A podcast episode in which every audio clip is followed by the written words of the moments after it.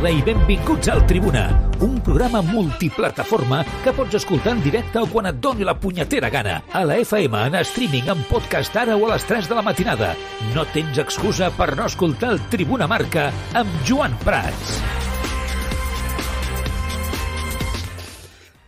Tal, com esteu? Molt bona tarda. Benvinguts un dia més al Tribuna Marca. No hi haurà protesta formal a la UEFA per l'arbitratge d'ahir al Giuseppe Meazza. Des de l'és una injustícia de Xavi Hernández a l'ens han pres un gol al pèl de Sergi Roberto, tècnic, jugadors, tothom indignat per l'arbitratge d'ahir de Slavko Vincic, aquest protagonista avui per tot el que ha sortit d'aquest àrbitre, i Paul Van Boekel, l'àrbitre del Barça, que ja va perjudicar el Barça a Munic en l'enfrontament davant del Bayern de Múnich. S'ha valorat, de fet, el cost tècnic havia demanat al Futbol Club Barcelona, la institució, que fes una queixa formal a la UEFA per aquest arbitratge que havia rebut el club, l'equip, davant de l'Inter de Milà, però finalment l'entitat, el Barça, no presentarà una queixa formal a la UEFA a través dels seus serveis jurídics, segons s'ha decidit aquest matí. S'ha decidit perquè es creu que això només debilitaria la seva postura. Això sí, fons directíssimes del Futbol Club Barcelona creuen que alguna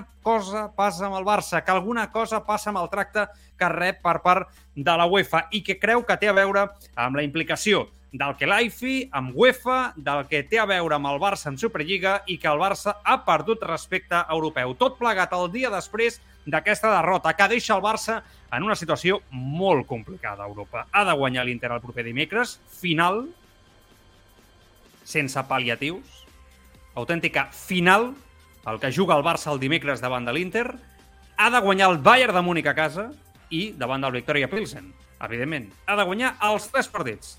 És veritat que hi haurien altres opcions, si el Bayern punxés, si l'Inter punxés inesperadament en algun partit, però s'ha de guanyar.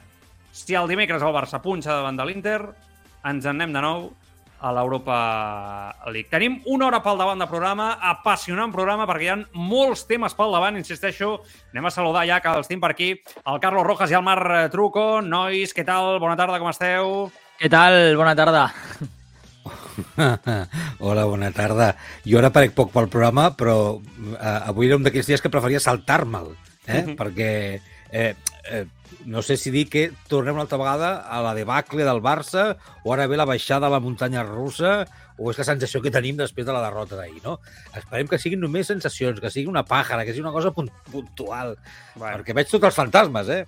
Té un anàlisi, això, llarg, eh, el que farem avui els tres, perquè, insisteixo, entenc que la gent està preocupada, entenc que Hosti, ens ha agafat a tots una mica contrapeu, en directe a través de Ràdio Marca Barcelona, a través de radiomarcabarcelona.com, també a través de l'aplicació mòbil disponible per iOS i per Android de Ràdio Marca Barcelona, un dia més també a través del canal de YouTube, us saludem a tots, a través del podcast, a totes les plataformes que ens escolteu, també, què tal, com esteu, i a través del Twitch. Podeu participar ara mateix en directe, twitch.tv barra el Tribuna, una tarda més. Podeu dir la vostra, amb els vostres comentaris, ens podeu veure mentre fem el programa, que no és que siguin gaire atractius, però bueno, allà estem, no, eh? per tu. Bueno, sí, el truco, el truco... Bueno, pero, oye, pero un momento. Lo del truco, a, aún la broma esta la entiendo, pero que me venga aquí el, el, el otro, el, el, el, dominador de la noche de Barcelonesa, a, a darme ahora aquí, ojo, eh, que esto no me lo esperaba. Esto sí que me ha pillado a contrapié, eh. Yo de... creo que todos somos, yo creo que todos somos muy atractivos, John. Ah, no, ya, estaríamos, bueno. no, estaríamos, por Twitch. La gente te ha dolido a ti, te ha dolido a ti. O sea, a ver, te ha dolido el corazón, tu orgullo, tú eres un tío que te ves guapo y no te ha gustado escuchar que no te veía guapo. Ya está, oye, las cosas como son. Ha sido como cuando, Joan, ha sido como cuando Guardiola dijo de Cuenca, de esa Cuenca, que no, no gustará mucho a las chicas, pero en el campo lo hace muy bien. ¿no? Sí, la verdad es que en ese caso eh, creo que tú gustas más eh, que, que, esa Cuenca, con todos mis respetos, creo que Cuenca es mejor que nosotros futbolísticamente, pero mucho muy agraciado no era. Pero bueno, oye, que tampoco estamos aquí para dar palazos físicos a jugadores de fútbol. Nos hemos metido en un jardín aquí, que un chaval estupendo, Cuenca, que no ha tenido mucha suerte en el fútbol, también hay que decirlo. Bueno, va, que me lío, que me lío. Eh, que hem de parlar de moltes coses. En directe a tot arreu, podeu participar i Xavi, indignadíssim. Sí, en general nos sentimos que ha sido una injusticia grande. Sí, me siento así, la verdad. Eh, no, no, puedo, no puedo esconderme. Estoy indignado, indignado. Creo que es una injusticia grande, pero yo creo que es el árbitro que debería dar explicaciones, salir aquí a hablar, ya dijimos ayer, ¿no? que es, es una figura muy importante en este deporte y se va y no, pasa nada, ¿no? Que salga aquí y dé explicaciones, porque no, entendemos, no entendemos. La palabra es, indignación hoy.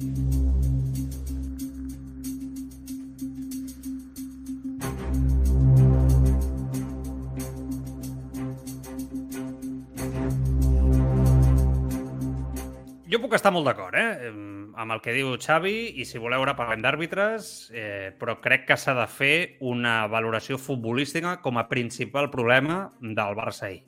Però, si anem a parlar d'àrbitres, anem a parlar d'àrbitres. Entenc que Xavi estigui molt cabrejat, tot i que sí que és veritat que crec que el discurs vira segons eh, com va el partit. Perquè habitualment Xavi, que ja sabeu que a mi m'agrada molt com a entrenador, però crec que aquí hem de ser justos amb les coses i quan creiem que algú s'equivoca ho diem, Normalment el discurs es aquest. Pero yo, es que no, no me toca decir. Yo de los árbitros, ya creo que os he dicho ya tres o cuatro veces que no, no voy a hablar de los árbitros. Si nos han favorecido o si nos han perjudicado. Al final entiendo que la figura del árbitro es, es muy difícil, muy difícil. Eh, ahora tienen una ayuda que es el VAR, pero que también lo hace difícil en muchos momentos porque hay que interpretar cosas en el partido y en el juego y se dificulta también la acción. Al final están para decidir ellos, nosotros les vamos a ayudar en todo. Bueno, por la situación que hemos, hemos tenido que vivir, creo que es una injusticia, pero nada más. Eh, ya dije ayer que los árbitros tendrían que hablar y explicarse. Porque... Vale. Que està en el seu dret de Xavi de canviar el discurs, eh? només faltaria. Però, ho dic, oi, a la vida s'ha de ser conseqüent. I em sembla que, tot i que l'arbitratge és un escàndol i és una vergonya absoluta per la UEFA i no crec en conspiracions, però amb el que ara explicarem de l'àrbitre, aquest senyor i tot plegat, que avui amb el Marc Truco ja ho està parlant a la redacció, jo ja no sé eh, què pensar, però sí que és cert que mm, a mi m'agrada que el discurs sigui futbolístic. I m'agrada que el Barça faci autocrítica i que em sembla que tot el tema de l'àrbitre li ha vingut molt bé a Xavi per desviar uns errors ahir importants a nivell tàctic. I que més em sembla que no tenien cap mena de sentit, com posar Sergi Roberto de central, a Rafinha com a mitja punta, juntament allà amb una doble mitja punta amb Gavi, en comptes de Pedri, una manca de, de circulació de la pilota, d'actitud, de fortalesa mental... El Barça va acabar penjant pilotes, i aquest cop no hi havia Luc de Jong. Ho dic perquè portem temps ja eh? i, escolta, mm, jo sóc el primer que defensa tot el bé que ha fet Xavi, però que aquest equip ha de donar un pas d'una punyetera vegada a Europa, perquè segurament, en el moment que tu facis aquest pas endavant, poden venir, nois, segurament, segurament un respecte més contundent del que veu també el Barça darrerament amb els àrbitres, que moltes vegades està, està relacionat. Anem per parts. Eh, tema arbitral. Mm, us demano una, un punt de vista ràpid sobre les accions, el tema d'en Sofati, el tema de Dumfries, eh, si creieu que són errors els dos clamorosos, un sí, un no, interpretació, i després parlem d'aquest senyor, l'àrbitre, tot el que ha sortit avui, perquè a mi em sembla que és un escàndol. Eh? Yo personalmente es evidente que, que, lo que es el, la, la, actuación arbitral, yo creo que nadie lo va a poner en duda, no nadie lo ha ni, en, ni en, incluso en Madrid, ¿no? Eh, que es un escándalo, ¿no? El penalti que no, que no pita Dumfries es, es, un, vamos, es un escándalo brutal. Eh, dicho esto, a partir de aquí, entiendo yo voy a criticar también a Xavi, pero entiendo que al, al término del partido, a los 10 minutos, a los 15 minutos, cuando me toca hablar con la prensa y cuando y en el minuto en el que se ha producido esa jugada, concretamente, ¿no? que es el final, final del partido, esté todavía muy caliente y todavía a punto de explotar y más en un partido de máxima tensión. Mm. Yo creo que Xavi hoy no se habrá sentido satisfecho, ¿no? O orgulloso de lo que dijo ayer. Creo que no Caliente, es el tipo de. ¿no? Exacto, yo, yo, creo que él se arrepiente, ¿no? Seguramente de lo que, de lo que ha dicho, a pesar de que esté descontento con la actuación arbitral, seguramente lo hubiera hecho de otra forma. Uh -huh. Dicho esto, pues eh, yo está claro que, que, que, que, tapa, que tapa, por mucho que a lo mejor él quiera diferenciar, ¿no? Lo que es sus errores o el juego del equipo, que es verdad que se muestra autocrítico, aunque no tan autocrítico como yo creo no. que se debía haber mostrado. Eh, y luego criticar al árbitro, pues evidentemente eso se utiliza para, para, tapar en cierta manera. Al final, yo creo que lo dijo Mourinho en su día, ¿no? La gran mayoría de árbitros, de entrenadores hablan siempre de los árbitros. Hay un grupo muy, muy, muy, muy pequeño, habrá uno, mm. dos o tres en el mundo que, que, no hablan de los árbitros nunca, que consiguen contenerse, pero está en el ser humano, ¿no? Enfadarse cuando se Pero a mí era una de las cosas que más me gustaba de Xavi, ¿eh, Carlos? Bueno, pero este discurso de arbitral, ¿eh? O sea, me encantaba, porque yo ya sabéis que ah, lo he defendido mucho y coincidía pero... con él claramente, ¿no? Y decía, bueno, oye, qué bien, qué bien, qué bien que hay un entrenador que entiende un poco las circunstancias y no va al barro porque es difícil solucionar nada al barro cuando te perjudican, ¿eh? porque es difícil claro. el colectivo arbitral. Y ayer vi un Xavi que entraba cuando le ha perjudicado, claramente. Claro, es que al final es un poco en una situación. Él sabía de la, de la importancia de la máxima tensión que, que, tenía este partido y ha ido a matar, pero por una cuestión muy sencilla. Al final, yo creo que el Barça, pues mm, como cualquier otro club, cuando se ven situaciones así, que te quiten en el último minuto un penalti o un punto, ¿no? Que con el que te puede, vamos, cambia completamente la circunstancia, ¿no? Y la situación en Champions, pues evidentemente no te lo tomas a bien, pero eso pasaría en todos lados. Xavi, de todas formas, en algún punto de esta temporada también ha dicho, ¿no? Hay que ir a hablar con los árbitros y ha preguntado si era, si era creo que fue en, en Múnich, ¿no? Precisamente, ¿no? Que había hablado con el árbitro y demás. Eh, yo no creo que sea diferente al resto, Xavi, en ese sentido. No, evidentemente hay entrenadores que hablan de los árbitros recurrentemente, ¿no? Y que, y que juegan con conspiraciones y con, Vale. y que alimenta la prensa, pero hay entrenadores que hablan menos, pero Xavi habla de los árbitros, que queda claro. bueno, no, o no hablaba tanto hasta ayer, que ayer habló, ¿no? O sea, digamos que quizás más. eh, que no se quejaba de esta manera, eh, como nunca como ayer. Pero oye, que lo de ayer yo creo que incluso podría justificar hasta una indignación máxima sobre los errores. ¿Son errores? ¿Barça, Barça claramente perjudicado? ¿O hay alguien que tiene un punto de vista oye, bien anulado, bien el gol de Pedri por la interpretación, porque es que yo no creo que se aguante por ningún lado. Yo he leído todo tipo de expertos y gurús arbitrales en las últimas horas que justifican este tipo de acciones. Si esto es fútbol, yo me bajo. Pero bueno, ¿alguien opina que está bien arbitrado el partido? Lo digo, ya lo pregunto así, porque me parece que es una minoría lo que lo piensa así, pero si lo hay, pues que lo expresemos aquí también. Yo personalmente no. Error. Truco, també error. Jo eh? estic, Està clar. estic d'acord amb vosaltres sobre les decisions o les actituds de l'àrbitre, la feina de l'àrbitre, eh, sense entrar a valorar altres qüestions que ara parlarem d'ell Mm. i que ens puguin portar a pensar, com deies tu abans, o apuntaves tu abans, a, un, a teories conspiratòries, ma, mala feina. I sobre el que esteu dient, eh, dic ràpidament que és difícil no parlar dels àrbitres, perquè des del meu punt de vista Mm. No, no personalitzo amb cada un d'ells, eh? hi ha molts bons professionals, però la feina de l'àrbitre s'ha portat o s'ha estat portant com s'ha estat portant. És a dir, sabem que la tecnologia, que podia solucionar moltes coses, es decideix per A o per B, o perquè no s'ha volgut eh, posar perquè encara no estava prou fina, o perquè s'ha pensat que millor pel futbol no posar-la, Mm. dona joc a que hi hagi una persona que damunt del terreny de joc d'una batalla, d'una batalla espectacle, perquè és una lluita de gladiadors que estan corrent, que estan suant, que s'estan empujant, que, estan, eh, que vull dir, ja és un, és un esport de passió, no estan Mm. jugant als escacs. Davant, doncs davant d'aquest esport hi ha un tio que fredament ha de prendre decisions. Això, per molt bé que ho vulguis fer, segur que generarà injustícies, segur que t'equivocaràs i segur que perjudicaràs el resultat, alguna vegada el resultat eh, just del partit. I això no s'hi posa solució perquè uh, l'estament esportiu, perquè el futbol, perquè la indústria no li vol posar solució. Llavors, en general, s'acaba de parlar d'àrbitres? Clar, vulguem o no, acabem parlant d'àrbitres, perquè la indústria ho permet. Punt 1. Eh. Punt 2. Jo segueixo pensant que a vegades els àrbitres s'equivoquen i perjudiquen i la indústria passa de posar solució, que a mi no em sembla bé, perquè Mm. si tu estàs demanant un equip i uns professionals que treballin i juguin i s'esforcin Clar, i una afició que hi posi passió, al mateix temps li estàs dient però a vegades et donarem pel cul i tu faràs ah, ah, ah, vale, doncs me voy pa casa. Això és el que està fent la indústria. Punt 1. I punt 2, o punt 3. Jo segueixo pensant que sí, amb les teories conspiratòries, més grans o més petites. Sí, tu creus que el Barça està sent perjudicat a propòsit per part de UEFA? No, no, no va, va, o, o, sí, vu- vull dir que els àrbitres a vegades crec que prenen decisions amb pesos per... És molt heavy, això. Jo, jo, jo sincerament, eh, si La UEFA... vida és així, eh? És que a vegades Ja, sembla però- que estem però en un si país UEFA de i el fut- unicorns. Ja, però si UEFA i el futbol europeu està atacat d'aquest nivell, Clar, està Això atacat de corrupció. això està atacat de corrupció Ja. tota la vida. això està mort, eh? Vull dir, no hi ha res a fer. És Jo no Com està la Real Federació Espanyola futbol de Futbol? coneixem. Com eh? està la Real Federació Espanyola de Futbol? Sí, pero. Feta bueno, una merda, corrupta fins a dalt. Què us penseu? a los árbitros, no? los árbitros, No, hombre. no, yo no creo que los árbitros sean, corruptos, ¿eh? Yo creo, Es- precisamente, mira. Yo creo que recuerdo en su momento, ¿eh? cuando, cuando hizo, que no- creo que fue un día no Mayenko, ¿no? Que explicó un día en Bein Sports, ¿eh? en su momento, cómo se preparaban los árbitros un partido de fútbol, ¿no? Las pocas veces que hablaron en televisión, a mí me pareció increíble el trabajo. Es un trabajo que, que muchas veces parece que el árbitro, o sea, que venga por ahí, le pilla por ahí, coge el vuelo, arbitra y se va a su casa, ¿no? Y los árbitros están, se preparan, ¿no? También se estudian cómo juegan los equipos para saber dónde colocarse y demás.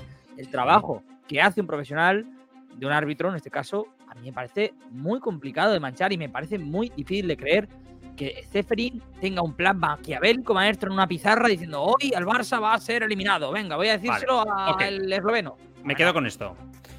Els vostres punts de vista estan clar. Avui hem sabut que el mateix àrbitre del Bayern Barça i de l'Inter Barça va xiular des de la sala bar.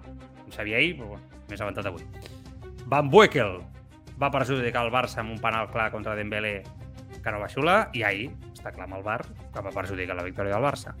I a més s'ha conegut que l'àrbitre, l'àrbitre, l'àrbitre eslové Slavko Vincic, que per mi és un dels grans problemes, eh? posar àrbitres de lligues menors en partits d'elit, de Inter, Barça, de grans lligues, perquè això ens ho porta dient el futbol.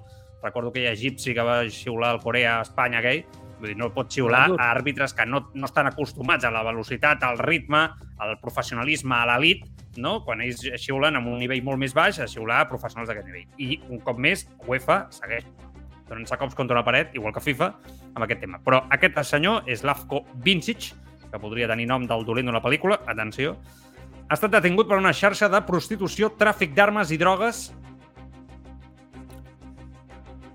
i per mi, insisteixo, suficient perquè no sigui àrbitre de la UEFA.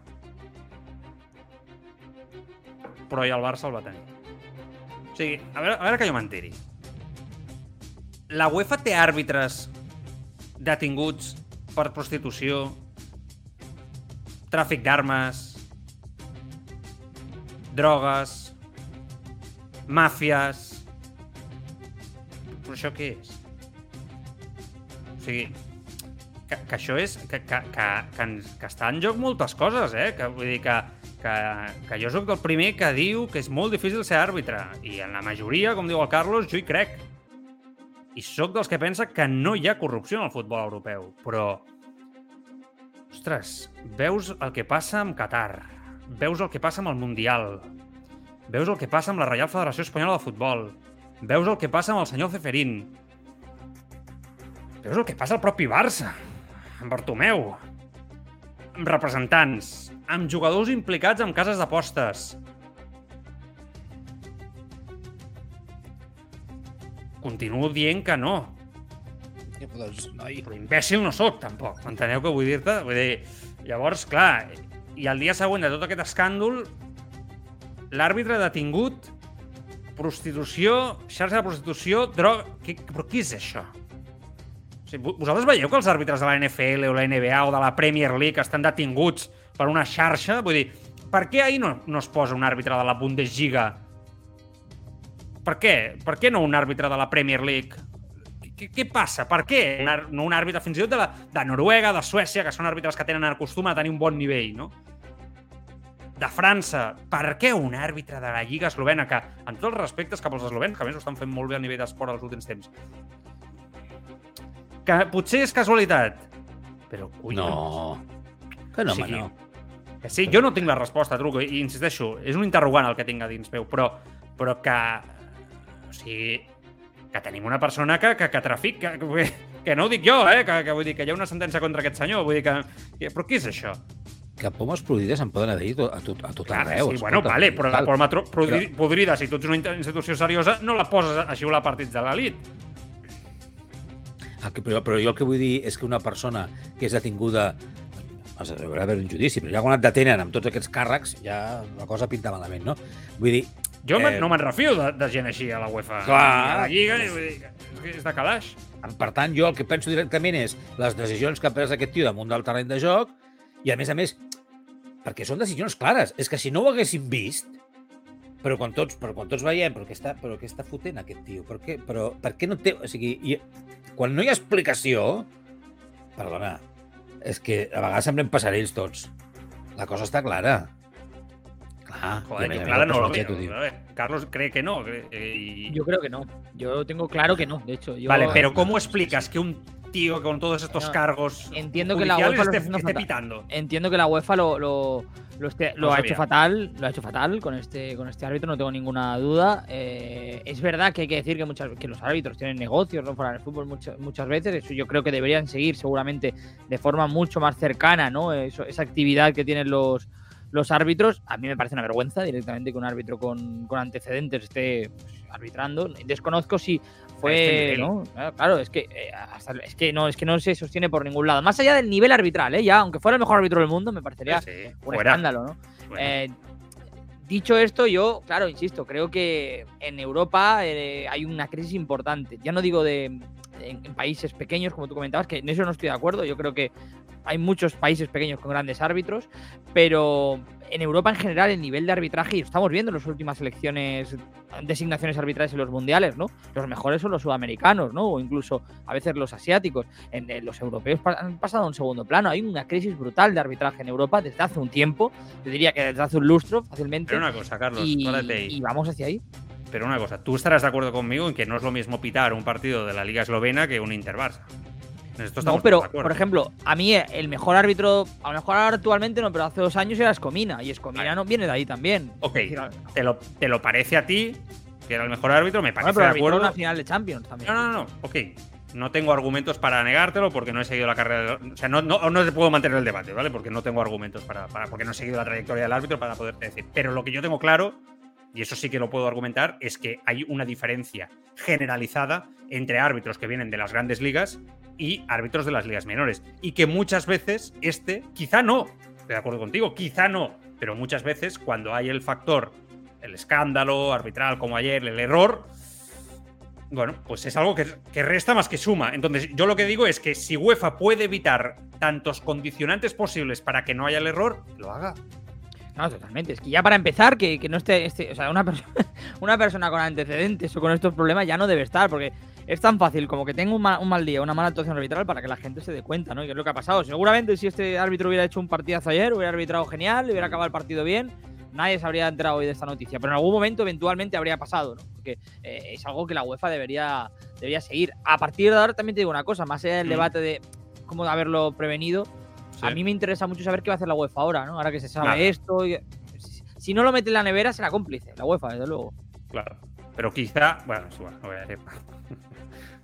Sí, sí. Estem fent ja... Sí, sí. Sí, és que, és, que- és que el, jo insisteixo, eh? crec que el debat arbitral avui s'ha de tenir, perquè és un escàndol el que va, el que va passar ahir, sigui, sigui quin sigui l'equip, el Barça, l'Inter, el Milan, l'altre, vull dir, el perjudicar el Madrid, el que sigui. Jo crec que és escandalós, però no ha de tapar les carències del Barça, eh?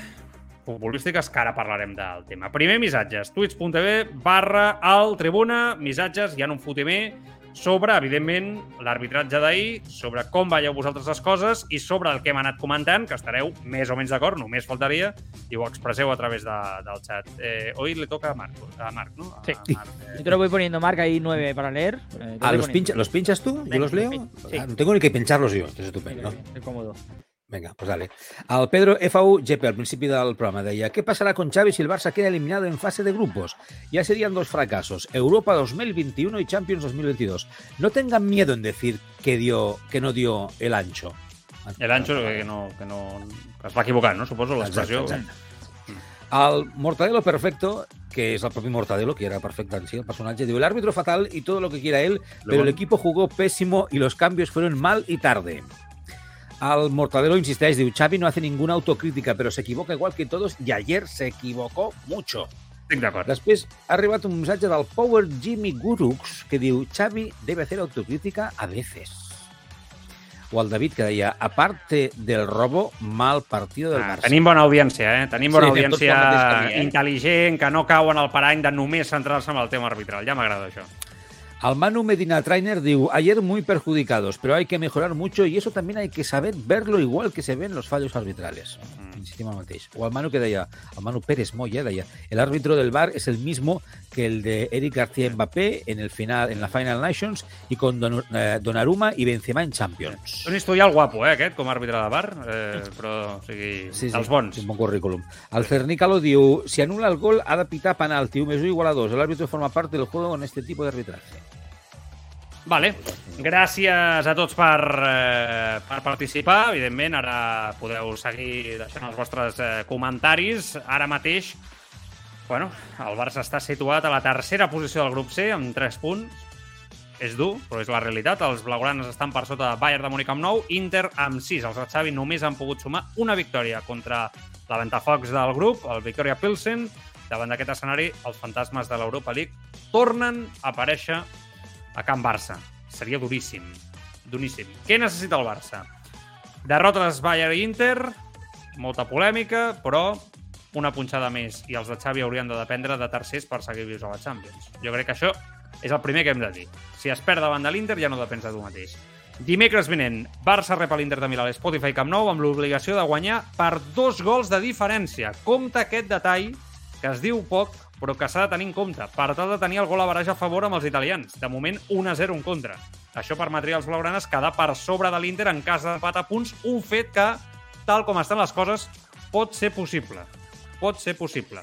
I a partir d'aquí el Barça tornarà a jugar a casa contra el Bayern dimecres 26 d'octubre, per tant això és ja, això és ja, i acaba davant del Victoria Pilsen l'1 de novembre, festiu, que entenc que el Barça guanyarà com tothom el Victoria Pilsen, que està molt lluny de la, del nivell dels tres. Seria molt dur acabar, nois, a l'Europa League per segon any consecutiu. Molt dur per l'entitat. Entenc que el grup era molt complicat ja de per si i que el Barça és un equip en construcció i que això serà llarg i ho hem advertit moltes vegades. Però és veritat que un equip que competeix com t'està competint a la Lliga, jo crec que per guanyar l'Inter mínimament et dona. I per ser segon de grup per darrere del Bayern, mínimament també et dona. Però caure a l'Europa League, en forma de pregunta ràpida, uf, jo crec que ningú està preparat, eh? a nivell de club, institució i entorn, tornar a caure una competició que no és que el Barça tornaria a ser favorit per guanyar-la i que se l'hauria de respectar, sinó que és que, de nou, tornaríem a tenir una situació del Barça sentint-se fora de lloc amb equips que la seva gran vida no, la, és guanyar el Barça com l'Inter de Frankfurt l'any passat, no? que és que es deixen la vida per guanyar-te. I, I jo crec que perjudicaria la resta de competicions, fins i tot. O sigui, seria una pèssima notícia i un, i un cop dur eh, per iniciar aquest projecte. No tinc cap dubte de que seria traumàtic. No tengo yo, sería un paso atrás enorme y aparte de un fracaso. Quiero decir, al final estamos hablando de un equipo, el Inter de Milán, que siempre se hace respetar y tal, pero que hace 24 horas estamos aquí diciendo que, que bueno, lo que era, ¿no? El, el es peor la, equipo a día de hoy del Bar, que el Barça después Mucho, de haberle ganado. Sí, es que, sí, sí, totalmente. Y, y, te digo una cosa, yo creo que si el Barça recupera su buena versión en el Camp Nou no tendría que, por qué sufrir mucho para ganarle al Inter. Será un partido difícil, pero si el Barça juega como sabe, yo creo que, que ganará aquel partido con suficiencia. Por tanto, no pasar de, de fase de grupos para mí sería un fracaso y además un paso atrás enorme. Y esto desde el punto de vista futbolístico, que no hemos abierto el melón económico, ¿no? Todo lo que el Barça dejaría de ingresar, ¿no? Claro, Por, claro. eh, porque al final recordemos que los clubes siempre proyectan a octavos, cuartos de Champions, ¿no? En cuanto a ganancias. Y es mucho dinero Cuartos. que pierdes. El Barça cuartos. lo hace en cuartos de final el presupuesto. Madrid también, sí.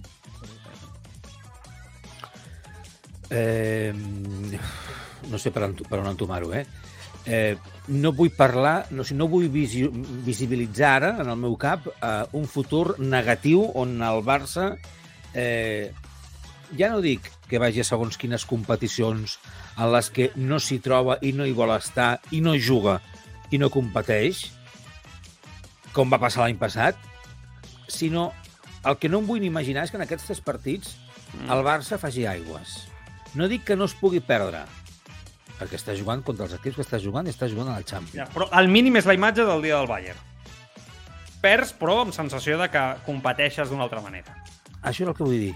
Això és el que vull dir, perquè... Lo d'ahir perquè no, és, no, és, no, és, no, no es pot permetre.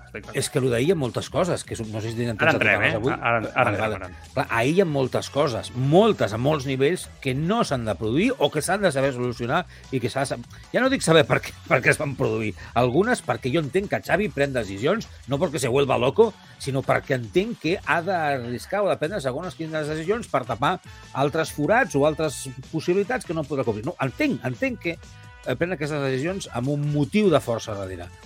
Però després hi ha el tema, que és el que més por em fa, que és que l'equip no reaccioni mentalment. Vull dir, perquè anar a patar ara a una competició menor, amb tots els respectes, No, no, no. si ho fas competint, si ho fas lluitant, i ho fas jugant, i ho fas divertint-nos, doncs mira, escolta... no és que jo crec que et perjudica a la Lliga i a la Copa, també. Tot, però és que, però, però, perquè el problema és enfonsar-se d'aquí dalt del cap, que és el que va passar l'any passat. Si passa això, si es fa el ridícul i es perd aquests partits, aquests partits que es poden perdre, eh, que, acabes de, que acabes de comentar, i es baixa de categoria, el problema és que, de competició, el problema és que el Barça s'enfonsi mentalment. Mm. Perquè aleshores no rasca, no rasca la bola igual que l'any passat, ni amb el Lewandowski. Sí, sí. Sí, sí. No rasca la bola. No, no t'ho nego, eh, que pot arribar, arribar a passar, que, que el Barça ho ha de treure cap endavant, com sigui això.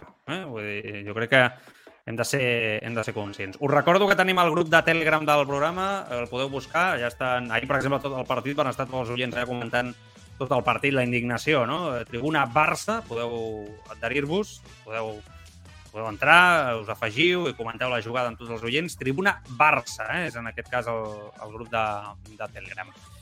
Rendiment de l'equip. Eh, anem a escoltar el que deia Xavi, per començar, sobre el partit. No, jo, sincerament, no li vaig veure molta autocrítica. No sé si és que estava tan cabrejat i tan obcecat amb el tema de l'arbitratge que no, no, no va veure més enllà, però, però no és... No, ja veureu, suposo que haureu escoltat ja, si no ara l'escoltareu, no, no hi ha una, una crítica especialment al plantejament, al joc de l'equip, eh, profunda, no? Jo vaig trobar a faltar més. Ara, ara ho comentem. Creo que hemos estado bien. La última media hora es muy buena. Yo creo que los hemos tenido ahí embotellados, lo hemos intentado. La primera no ha sido buena. La primera no ha sido por el nivel que requiere la, la Champions y, y, hay que hacer autocrítica. Hay que, hay que jugar con más dinamismo, con más velocidad, con más circulación alta de balón. Es una, es una evidencia, ¿no? Y lo hemos hablado en el descanso, ¿no? Que requería más, más ritmo de, de balón el partido y, y así ha sido. La segunda parte creo que ha sido, ha sido buena, ¿no? no ha sido mala para nada.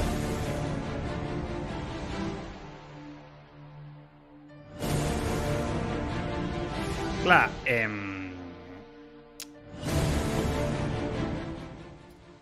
parla de que no ha sigut dolenta la segona meitat. Clar, a, a mi em sorprèn molt, eh, aquestes declaracions de Xavi, sí. i el respecto moltíssim i, sí. i, i saps aquella de no d'apuntada sin hilo, no? Pues això és el que jo crec que passa amb Xavi sempre en totes les seves declaracions, perquè domina molt, molt, molt bé l'entorn. Però ahir sincerament, crec que el gran culpable de que l'equip falli és Xavi. I ho dic com ho sento, o sigui, torno a repetir, crec que fa un plantejament tàctic canviant el sistema, que em pot semblar, semblar apropiat, les tres centrals, etc, però posar Sergi Roberto de central és un suïcidi futbolístic, literalment, sense pal·liatius, i fer aquest experiment amb Rafinha, que ja ho va fer en Ferran Torres i va fracassar. Això de posar extrems com a falsos mitjapuntes pel mig i és un fracàs. Crec que l'obsessió que té amb Dembélé està perjudicant l'equip. El partit d'ahir de Dembélé és un desastre. I no em vingueu amb que té l'oportunitat més clara, la única ocasió, una sola ocasió de gol en 90 minuts va tenir el Barça, doncs aquella, no? Que va, va tenir Dembélé, però la resta del partit va fer el rècord de pilotes perdudes.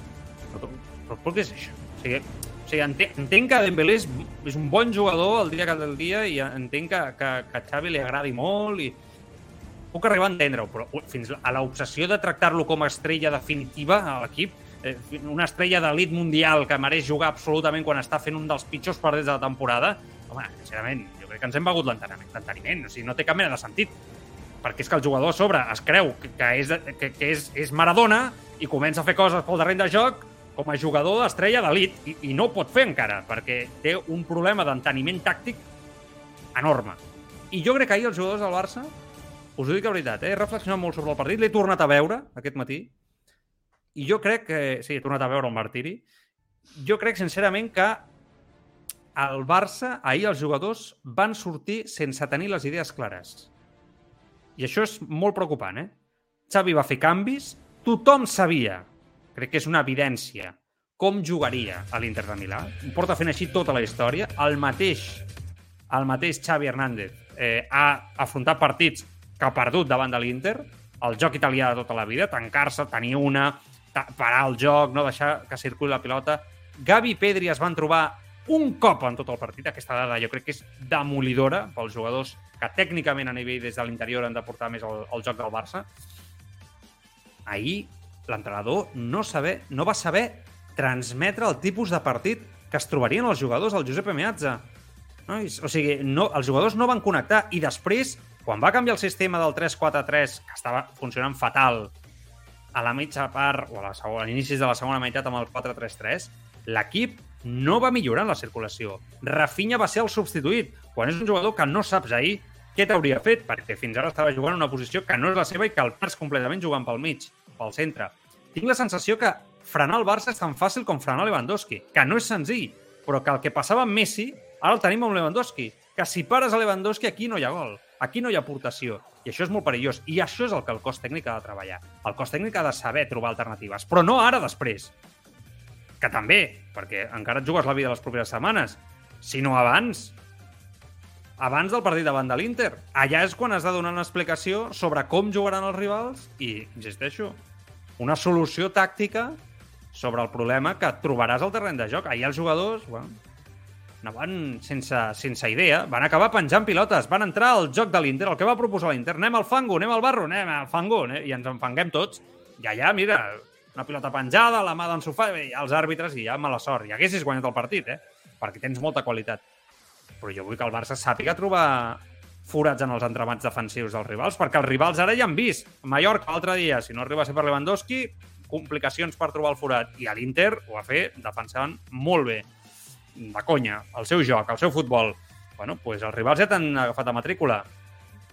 Entenc que el cos tècnic trobarà una solució. Jo crec que ahir el cos tècnic s'equivoca, crec que Xavi s'equivoca en el plantejament clarament, i el que trobo és que després li va mancar molt de cintura, manca de solucions. Espero que en els propers partits se solucioni, perquè no tinc cap dubte de que els rivals han posat ja, han, han portat els jugadors eh, al Cinesa, en un al, al cinema, i els hem, els hem posat al partit ben gran, ben gros, per entendre com es frena el Barça. No sé, molt decebut, eh, sincerament, nois, us escolto. Yo personalmente creo que, eh, evidentemente, es, es, de perogrullo, pero seguramente si Xavi hubiera tenido a todos los jugadores disponibles, ¿no? No habría hecho este planteamiento, eso de primeras. Eh, él en la previa hablaba de Anoeta, del día de Anoeta, ¿no? Con muy buenas referencias. De hecho, lo estuvimos comentando aquí, ¿no? Que ya daba muchas pistas en aquella rueda de prensa, la que parecía que estaba muy contento como cómo había funcionado el equipo de Anoeta, que se había encontrado muy cómodo, pero había aspectos que yo esto te estuve viendo ayer en el vídeo, ¿no? Cuando, cuando, cuando sí. comentabas, como por ejemplo, y ahora lo has comentado también, ¿no? El tema de, de Rafinha, interiorizar Rafinha y demás, que ya por ahí se ve que hacía aguas, ¿no? O que chirriaba sí, un poco el experimento, sí. ¿no? Y ayer se, se volvió a ver. Eh, hay un detalle en las declaraciones de Xavi, que es cierto que cuando habla de la primera parte, habla en primera persona, pero del mm. plural, y yo ahí eché en falta un poco que dijera que me he equivocado en el planteamiento, ¿no? Sí, Quizá no debería haber sido. A lo mejor es que él no está tan arrepentido del, del, planteamiento, sino de cosas concretas del juego, ¿no? Y eso sería verdaderamente algo preocupante. Yo pienso que este, este planteamiento eh, ya a día de hoy, a 5 de octubre, ya se puede desechar para toda la temporada para el Barça, o al menos con la plantilla actual, y que Xavi tiene que buscar nuevas soluciones. La segunda parte es verdad que corrige bien, eso se lo compro a Xavi en el, en el corte que hemos escuchado, pero vamos, me, es demasiado... Es demasiado no, rato no. alabando a la segunda parte y muy poco criticando la primera. Y por cierto, para mí. Carlos, aquí. Dime. Venga, aunque se me, te habías quedado congelado. Ah, vale.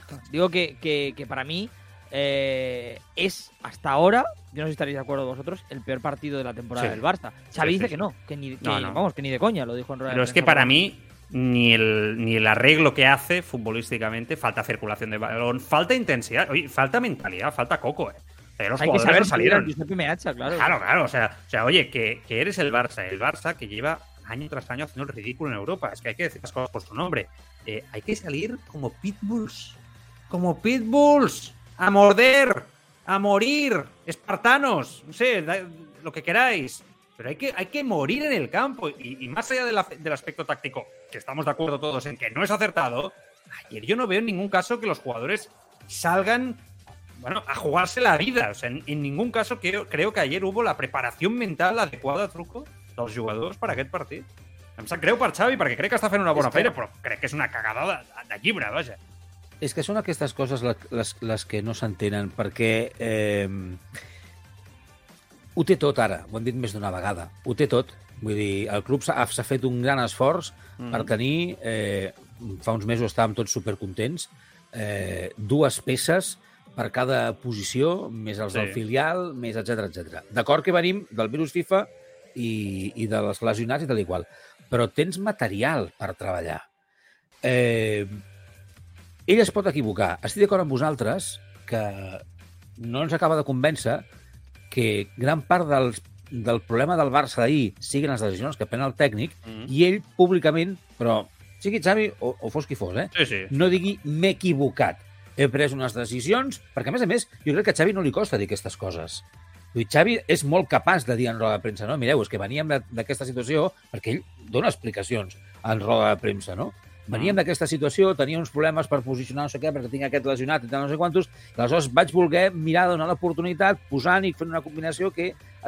Jo què sé, és igual, o, o no donant-ne tantes per no donar explicacions. Clar, clar, clar. Però, però eh, això, no, això no hi és. Per tant, ens fa dubtar de per què pren segones decisions, segons quines decisions, perquè ningú les entén. I això és un problema, perquè, clar, si es prenen decisions que ningú entén i que són decisions errònies, que no és la primera vegada que es prenen, que ja quan es van prendre, ja, com deia el Carlos, feien aigües, i el més greu de tot és el que dieu vosaltres. Com vas a la Champions davant de l'Inter se sense el bat de béisbol a, a, a l'esquena? Sí, sí. És a dir, és que no, no t'ho pots permetre. El Barça no s'ho pot permetre. El Barça es pot permetre, com dèiem abans, jugar al 200% i perdre. Vale, cap problema. Però no no anant-hi. No sabent on has d'anar. No amb els jugadors perduts al, al, al mig del camp. Clar, quan estàveu parlant abans de Dembélé, clar, és que si això va així, tornarà a ser greu. Tornarà a ser greu el cas Dembélé. Els números li, li tornaran a jugar a la contra. I ara, a més a més, juga amb ell esforçant-se, perquè abans no donava un pal a l'aigua. Però ara, ara aquí vindrà el problema.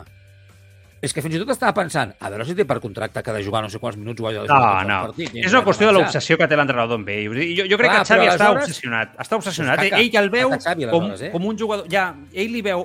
Ell el veu cada dia, això és, és cert, i nosaltres no però, però a mi no em val. Jo crec que portem ja, ja molts anys veient a Dembélé i jo crec que veiem tots que és un jugador que té unes bones característiques, que és boníssim, però que és un jugador molt irregular i amb una manca d'enteniment tàctic horrible i que hi fa el seu partit i que l'Inter ahir el van a buscar tota l'estona dos homes a dalt perquè sabia que seria per on es perdrien les pilotes i ell bueno, es posa nerviós, perd els papers i que després és capaç de, de gairebé marcar-te un gol. Sí, perquè és boníssim i suposo que per això Xavi el manté però jo, jo estic...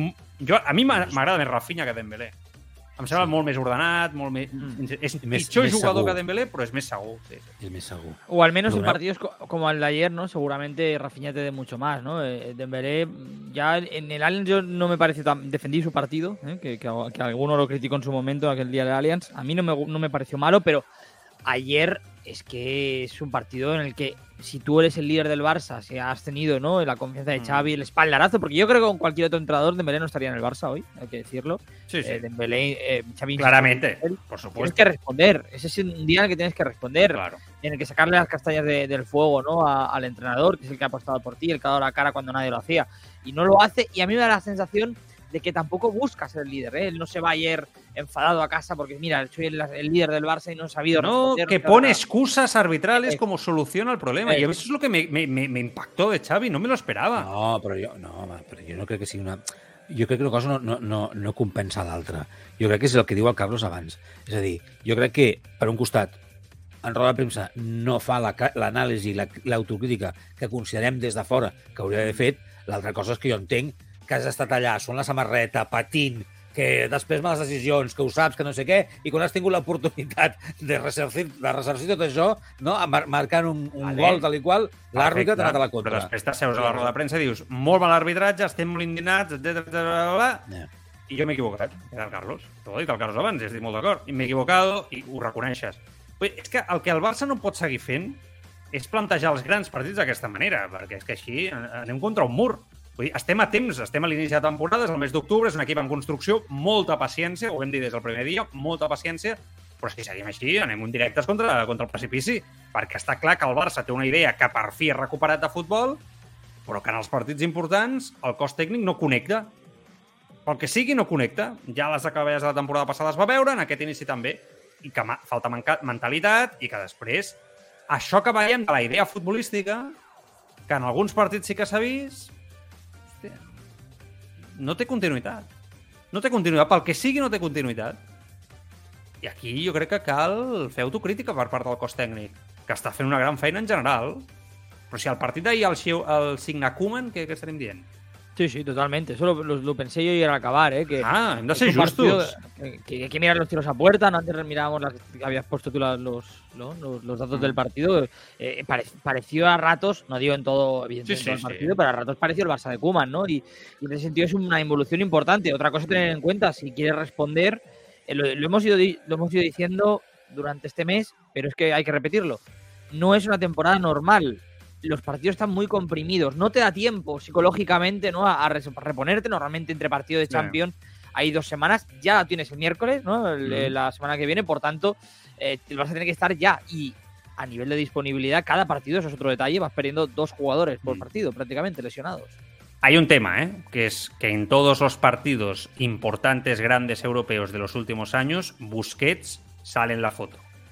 O sea, que te vale para imponer el sistema desde la posición de medio centro de pivote en la Liga Española, estamos todos de acuerdo. Pero que es un jugador que para Europa no te da en el centro del campo, donde estamos viendo que en Europa el fútbol más físico está ahí, ¿no? Con centrocampistas mucho más potentes, yo creo que es una obviedad. O sea, Busquets, cuando se tiene que correr para atrás, es un cero. Lo ha sido toda la vida, no es nuevo. Pero en los últimos años es mucho más grave, porque el Barça se ha alejado de la idea. Entonces, si, ¿por qué el Barça no es, no es capaz de imponer su fútbol ahí en el Giuseppe Meazza? Eso es lo que yo me pregunto. ¿Por qué? ¿Qué se está haciendo mal? Es que no lo entiendo. Porque el equipo, el- los italianos te lo dan todo, ¿eh? Te, lo- te dan el balón, se cierran detrás, te lo dan todo. ¿Por qué la circulación no es la adecuada? ¿Por qué no se busca el tercer hombre, incluso el cuarto hombre? ¿Por qué no se atacan bien los cuadrados? Que queda muy bien decirlo, pero es que si uno sabe un poco de táctica, se en- entiende rápidamente que el Barça no lo está haciendo bien esto. ¿Por qué si ves que tiene Lewandowski todo el rato cuatro personas encima? Porque eso es lo único para mí que hizo Lind, que es tapar a Lewandowski. Porque parece que este Barça necesita descargar constantemente con el 9, que oye, me parece mm, genial, es una estrella mundial. Sí, Pero ¿qué passa? No, hay más opciones ja? No, no hi ha solucions? L'entrenador no té alternatives? O sea, No. el día que necesitas abrir más el campo, metes a Lewandowski como delantero centro y, y dos mediapuntas por detrás. Sí, es que ese es el tema. Eh, a eso es lo flagrante para mí. Es lo flagrante. Cuando, cuando te dan la- lo que tú has dicho, cuando te dan la- la- el balón, ¿no? Y se echan atrás y, y te Claro. esperan, tienes que hacer el campo grande y tienes que Claro. mover el balón rápido. Y si pones dos por dentro, es evidente que está complicado. Salvo que pongas a dos carrileros muy, muy, muy prominentes y en este caso, pues el Barça no, no, los, no los tenía tanto, ¿no? Eh, o al menos no ayer, no estaban muy activos. Entonces, Y si no, Carlos, los extremos tienen que morir encarando. O sea, es un error de. Dem- Dembélé uno y el que no te puede ser el otro es Marcos Alonso. O sea, o sea que si Rafinha va a ser el mediapunta, mm, cagada extraordinaria, lo que no puede ser es que Marcos Alonso, que no tiene un uno contra uno letal, sino que va a buscar siempre la combinación para ganar el espacio, tienes que poner a, a- bueno, no sé, Ansu Fati. El ¿no? detalle es que Marcos No sé. Alonso era el, el carrilero perfecto para el Inter ayer.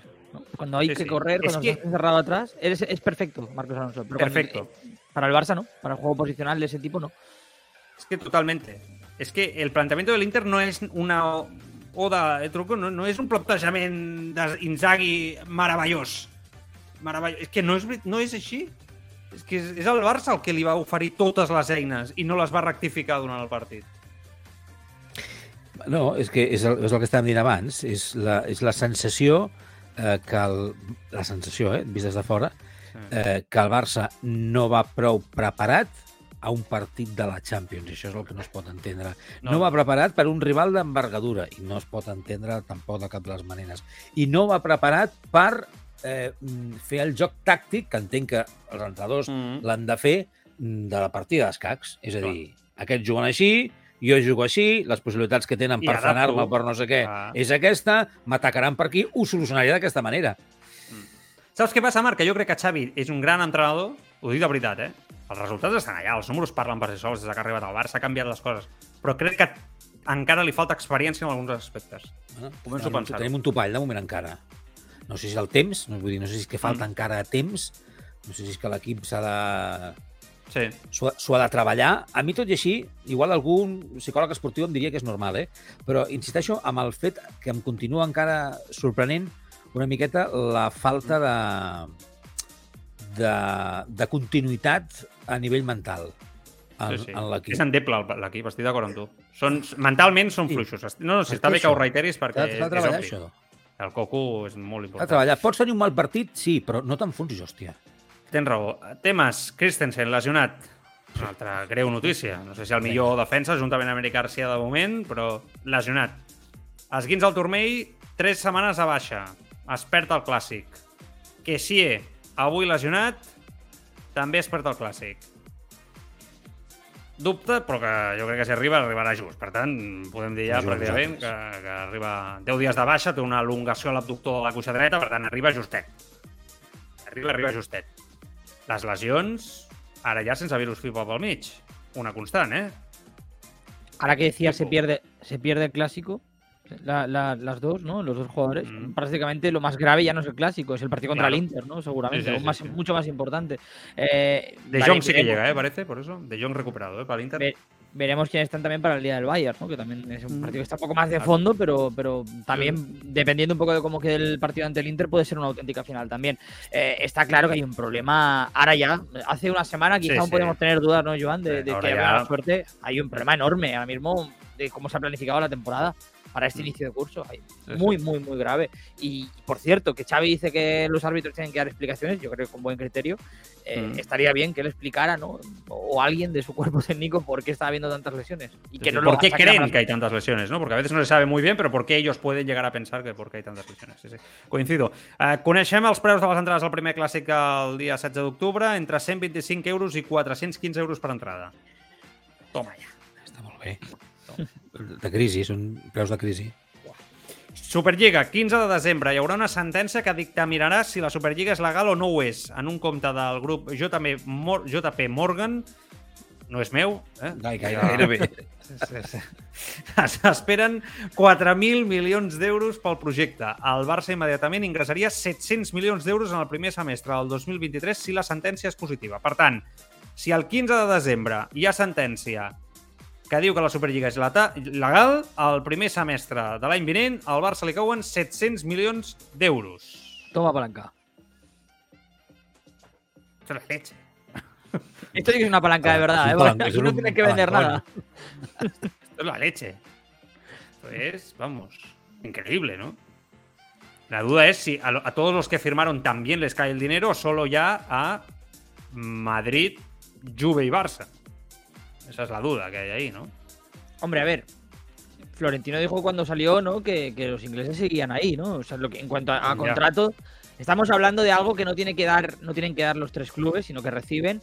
Sí, Eh, sí. Por tanto, como es un acuerdo que han firmado cada club con JP Morgan, entiendo que les tiene que caer por contrato. Pero al final, más allá de que se hayan salido, bueno, no sé si aquí habría un litigio o algo, igual JP Morgan también no lo impugna, pero, pero está claro que lo van a pedir si siguen contractualmente ligados. 700 millones. Es que es casi el presupuesto del Madrid de un año, ¿eh? O sea, es que es una, una locura. Es una bullería de. Sí. Vaya verano Aquí- año que viene, ¿eh? Aquí va, bueno, claro, tú dale a la, y como vaya mal el año, tú dale a la porta 700 millones, que, que- que te cambia el equipo otra vez de arriba abajo. O sea, o sea, es que ya la tenemos montada otra vez. Madre. Bueno, la justícia que acaba dient, no? També respecte... Bueno, un día clau, ¿eh? El 15. Hasta ahora, si no me equivoco, la justicia siempre le ha dado la razón a la Superliga. Totalment, sí, sí. Acord proper entre Barça i Atlético Madrid per Griezmann. El Barça no vol problemes, es vol treure el marrón de sobre quan abans millor. L'Atlético pagaria Mira. 20 milions d'euros més dos en variables, es quedaria el jugador en propietat, Griezmann es rebaixaria un 30% el sou, s'eviten els tribunals i ja podem dir que estem a punt d'acabar amb un dels pitjors negocis de la història del Barça, Griezmann. Nivell Coutinho, per mi, potser fins i tot pitjor. Però, mare de Déu, quin desastre. Fins i tot el Barça... Hi ha qui opina, opina que el Barça hauria d'anar fins i tot als tribunals, eh? però jo entenc el Barça. Truco. Jo entenc que el Barça diu, fora problemes, tu.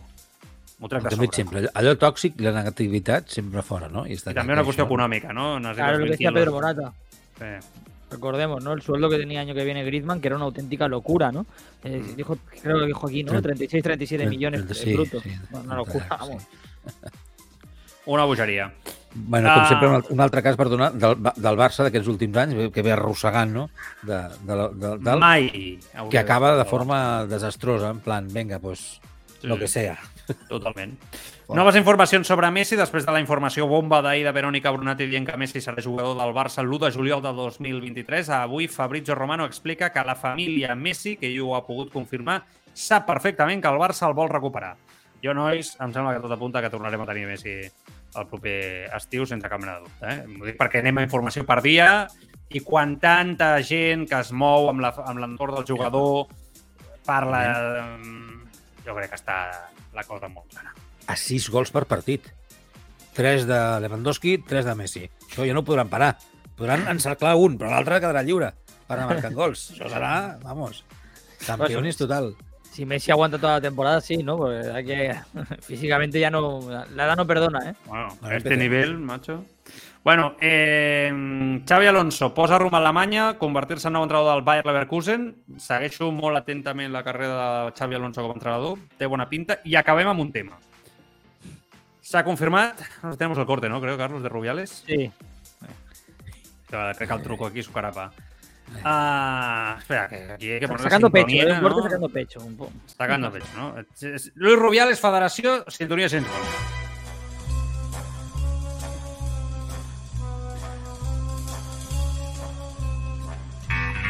A veure. Clar, és que aquí s'ha de posar tot en context perquè eh, el senyor Rubiales, ja sabeu que és el nostre James Bond favorit. Podria ser també Anacleto, agente secreto, però hem preferit que sigui James Bond per tot el que posa, no? Suposa la seva vida, les intrigues. Tot. Va, sí. Les Avui, a Nova York, confir- el micròfon. Exacte, les persecucions. Persecucions. Eh, avui, no, clar, recordeu la persecució per Madrid, eh, amb, amb motocicleta i, i tot plegat. bueno, és que és igual, no ho tornarem a fer aquí al programa. Avui s'ha confirmat candidatura mundial 2030 a Espanya-Portugal i amb la incorporació a la candidatura d'última hora d'Ucraïna. Què dius? Que... Geogràficament, bueno, escoltem. Estoy convencido de que en mi país, en España, tanto la familia del fútbol como toda la sociedad estará orgullosa del legado tan importante que esta candidatura deja para la historia. Però... per la història, eh? Bueno, us dono molt ràpid el meu punt de vista i us escolto, eh? Eh, a mí ya no me la cuela más el rollo este de la no a la guerra, stop war, de la FIFA. Eso ya a mí ya no me cuela, ya no me la ha colado nunca, pero bueno, en algún momento pues me he sumado al carro, un poco por.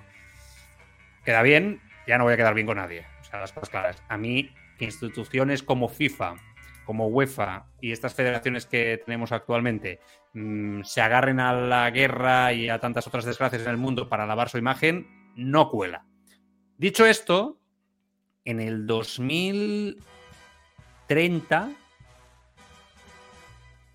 ¿dónde va a estar la guerra de Rusia y Ucrania? Yo me, me lo pregunto. Lo digo porque, o sea, entiendo muy bien el gestito, ¿no? De querer quedar bien, no para la recuperación del país y tal. Voy a ser políticamente incorrecto, pero os voy a decir claramente lo que pienso. Me parece que esto es una tomadura de pelo, pero de mal gusto. O sea, España y Portugal era una de las candidaturas favoritas, pero sabiendo que la Argentina, Uruguay, creo que es Chile, si no me equivoco, creo, creo algo de memoria, puedo equivocar. En los últimos días habían ganado mucha fuerza. ¿Qué pasa? Pues que se han sacado del saco, ¿no? De la chistera, muy rubiales esto. Un país que entre ahí en liza, queda bien para todos, candidatura imparable, porque todo el mundo va a votar por el tema de Ucrania sabiendo cuál es la situación. Una desgracia absoluta para el mundo, evidentemente, que deseo que se acabe. Muy parecido a lo de Eurovisión, exacto, Mar. Hombre, sí, sí, totalmente. Muy parecido, muy parecido. Entonces, todo el mundo va a votar, seguramente, esta candidatura. Y va a salir la candidatura. Pero es que en el 2030, quizá Ucrania, no sé, la guerra se ha acabado, la situación. O sea, nadie va a entender una candidatura de un mundial formado por España y Portugal, que eso aún se puede entender, y con Ucrania. Que además han conseguido que perjudiquen a muchas ciudades que habían apostado con el señor Rubiales por esa candidatura, con sus estadios, etcétera, etcétera, etcétera, etcétera. Y los ha dejado tirados. Ha metido un grupo, se ha cargado los estadios que iban a tener equipos en España y que por lo tanto iban a ganar un dinero y ha metido a Ucrania directamente. Un grupo entero se va a ir a Ucrania. Todo para asegurarse la candidatura.